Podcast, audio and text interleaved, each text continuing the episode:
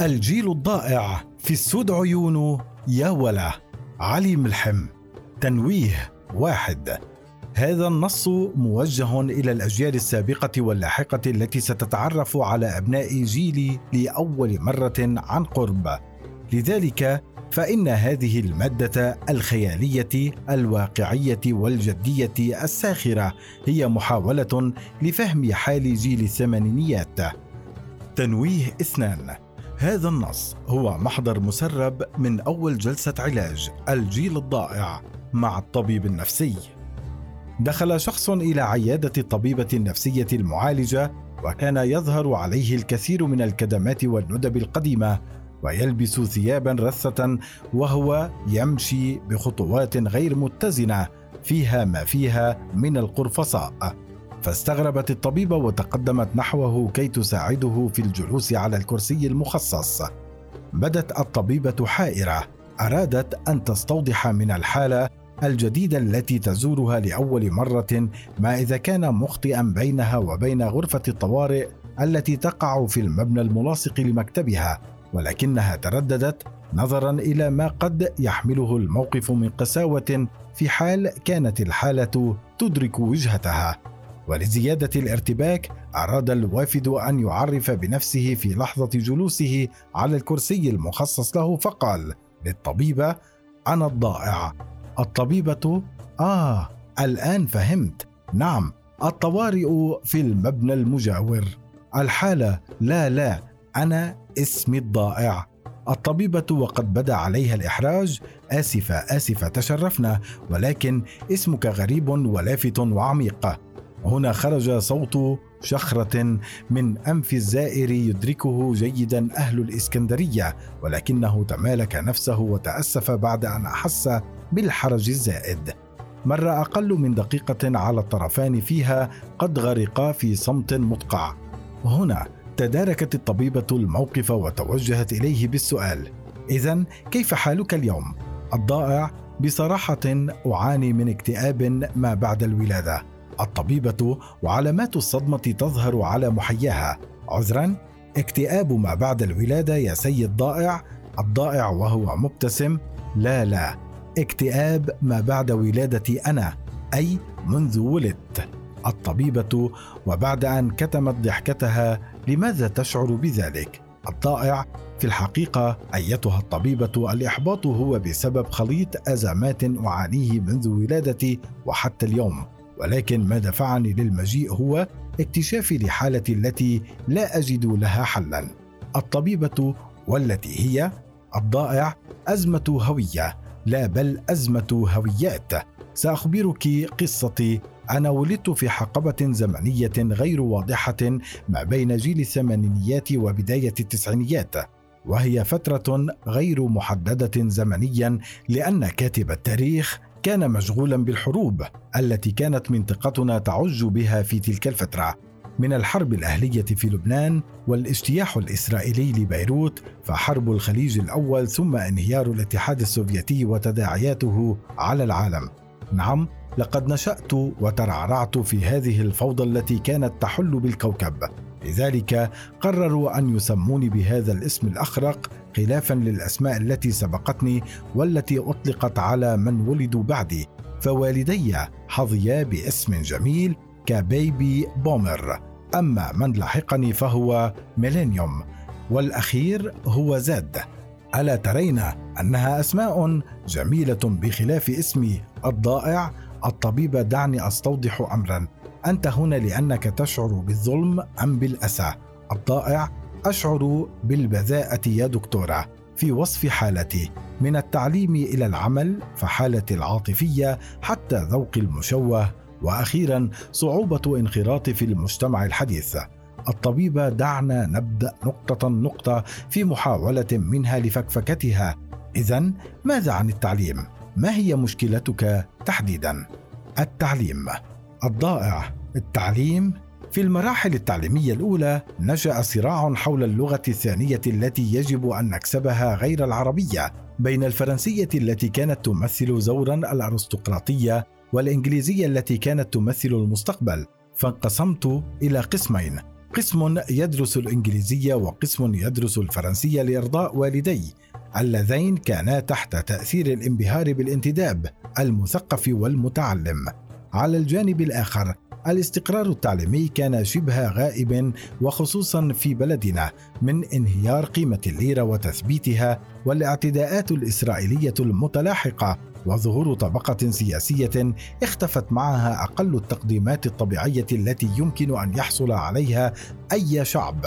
نعم كنت أدرس على ضوء الشمعة وكان لزاما علي أن أنجح وإلا سيتم ضربي. والتفوق مطلوب كان من باب الوجاهة الاجتماعية لا خوفا على مستقبلي. فأي مستقبل مشرق لشخص أطلق عليه اسم الضائع اسمي ضائع ويقولون لي اسم على مسمى. لك أن تتخيلي كمية التنمر التي حصلت عليها في صغري وحجمها واسمه حينها لم يكن التنمر ولم يكن امرا معيبا بل كان النوع المفضل من المزاح لدينا. هم نعم كنا نمزح.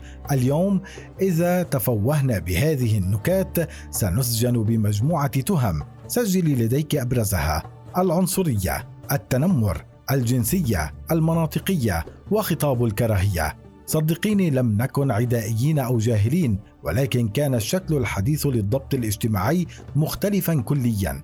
يا دكتورة لك أن تتخيلي اليوم وأنا أمشي في الطريق أو في أمسية مع أصدقائي. كمية النكات التي تأتي على رأسي فأضحك بسببها وحدي من دون أن أشاركها فأبدو كالمعتوه ومن ثم أغضب من نفسي لأن هذه النكات الأفكار تعلمت حديثا أنها معيبة ومعيبة جدا الطبيبة. إذا تعرضت للتنمر والعنف الأسري. هل تريد الدخول في تفاصيلهما في هذه الجلسة؟ أم تفضل الانتقال إلى النقطة الثانية والتي كانت؟ العمل. الضائع.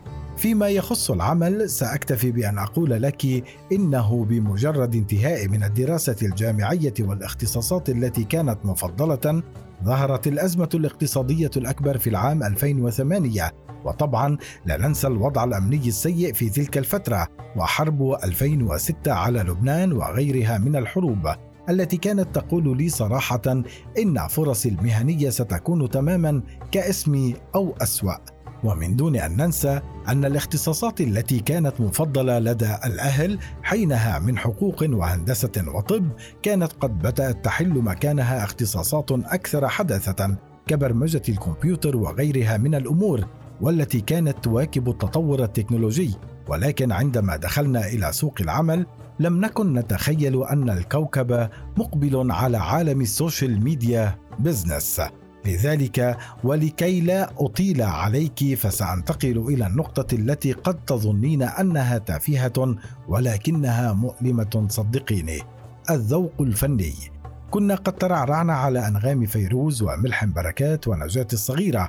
وكنا إذا أردنا أن نشعر بأننا ننتمي إلى جيل الحداثة كنا نستمع إلى عمرو دياب محمد منير وائل كفوري ونوال الزغبي وكنا نرقص رقصة الفراشة لراغب علامه هنا استطرد ممازحا هل تدركين أن جيلا كاملا تعلم الرقص من راغب علامه وعلاء زلزلي؟ المشكلة لم تكن في ذلك الوقت إنما ظهرت اليوم فنحن لا نزال نستمع إلى عمرو دياب ونقول ذلك صراحة لأنه استطاع أن يكمل مشواره الفني بنجاح ولكن سقط في الطريق كثيرون ممن كانوا نجوما. يعني لك أن تدركي أن Backstreet Boys انتهت مرحلتهم وعمرو دياب لا يزال مستمرا وشابا. نعم أنا متحيز لعمرو دياب الطبيب عظيم. ولكن أين المشكلة اليوم؟ الضائع مع ظهور أغاني الجيل الجديد كأغاني المهرجانات بدأنا نهاجمها علنا ونسمعها في الخفاء انتقلنا من فيروز إلى حسن شاكوش من دون أي انتماء الطبيبة طيب ماذا عن علاقتك العاطفية؟ كيف تأثرت بذلك؟ العلاقة العاطفية الضائع كنا قد بدأنا بالحب التقليدي القديم القائم على تبادل الرسائل المكتوبة بخط اليد بما فيها من مبالغات مثل أغنية وائل كفوري مكتوبك مليان دموع فظهر الإنترنت والأم أس أن نعم وجب علي أن أختار الإيميل. ملك الموت أو نجم النجوم أو حبيب النائم وغيرها من العبثيات التي ترينها اليوم كأسماء مستعارة على فيسبوك. في السابق كانت إيميلاتنا الخاصة وبدأنا بالتواصل والحب. وهي تضع صورة وردة حمراء وأنا صورة كرة قدم زرقاء وبيضاء والمضحك أننا كنا نحب بعضنا هكذا. ولكن هنا دعيني أقول لك إن أول إنجاز شعرت به كان يوم انتظرت 15 دقيقة حتى فتح إيميلي على الأم أس أن. هنا من دون سابق إنذار ظهر عليه التعب والإرهاق برغم ابتسامته التافهة.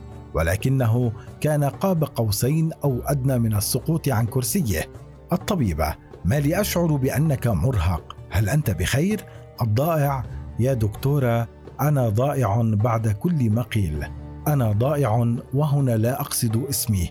حرفيا أنا ضائع. الطبيبة هل تريد أن نكمل لاحقا؟ فجأة نظر إلى الطبيبة وكأنه تيقن من أمر. ما نتيجة عدم تفاعلها معه بالشكل الذي كان يتوقعه. وقال السود عيونه. فقالت له بتأثر يا ولا. فاكتشف أنها من الجيل نفسه وشرعا في البكاء معا وانتهت الجلسة.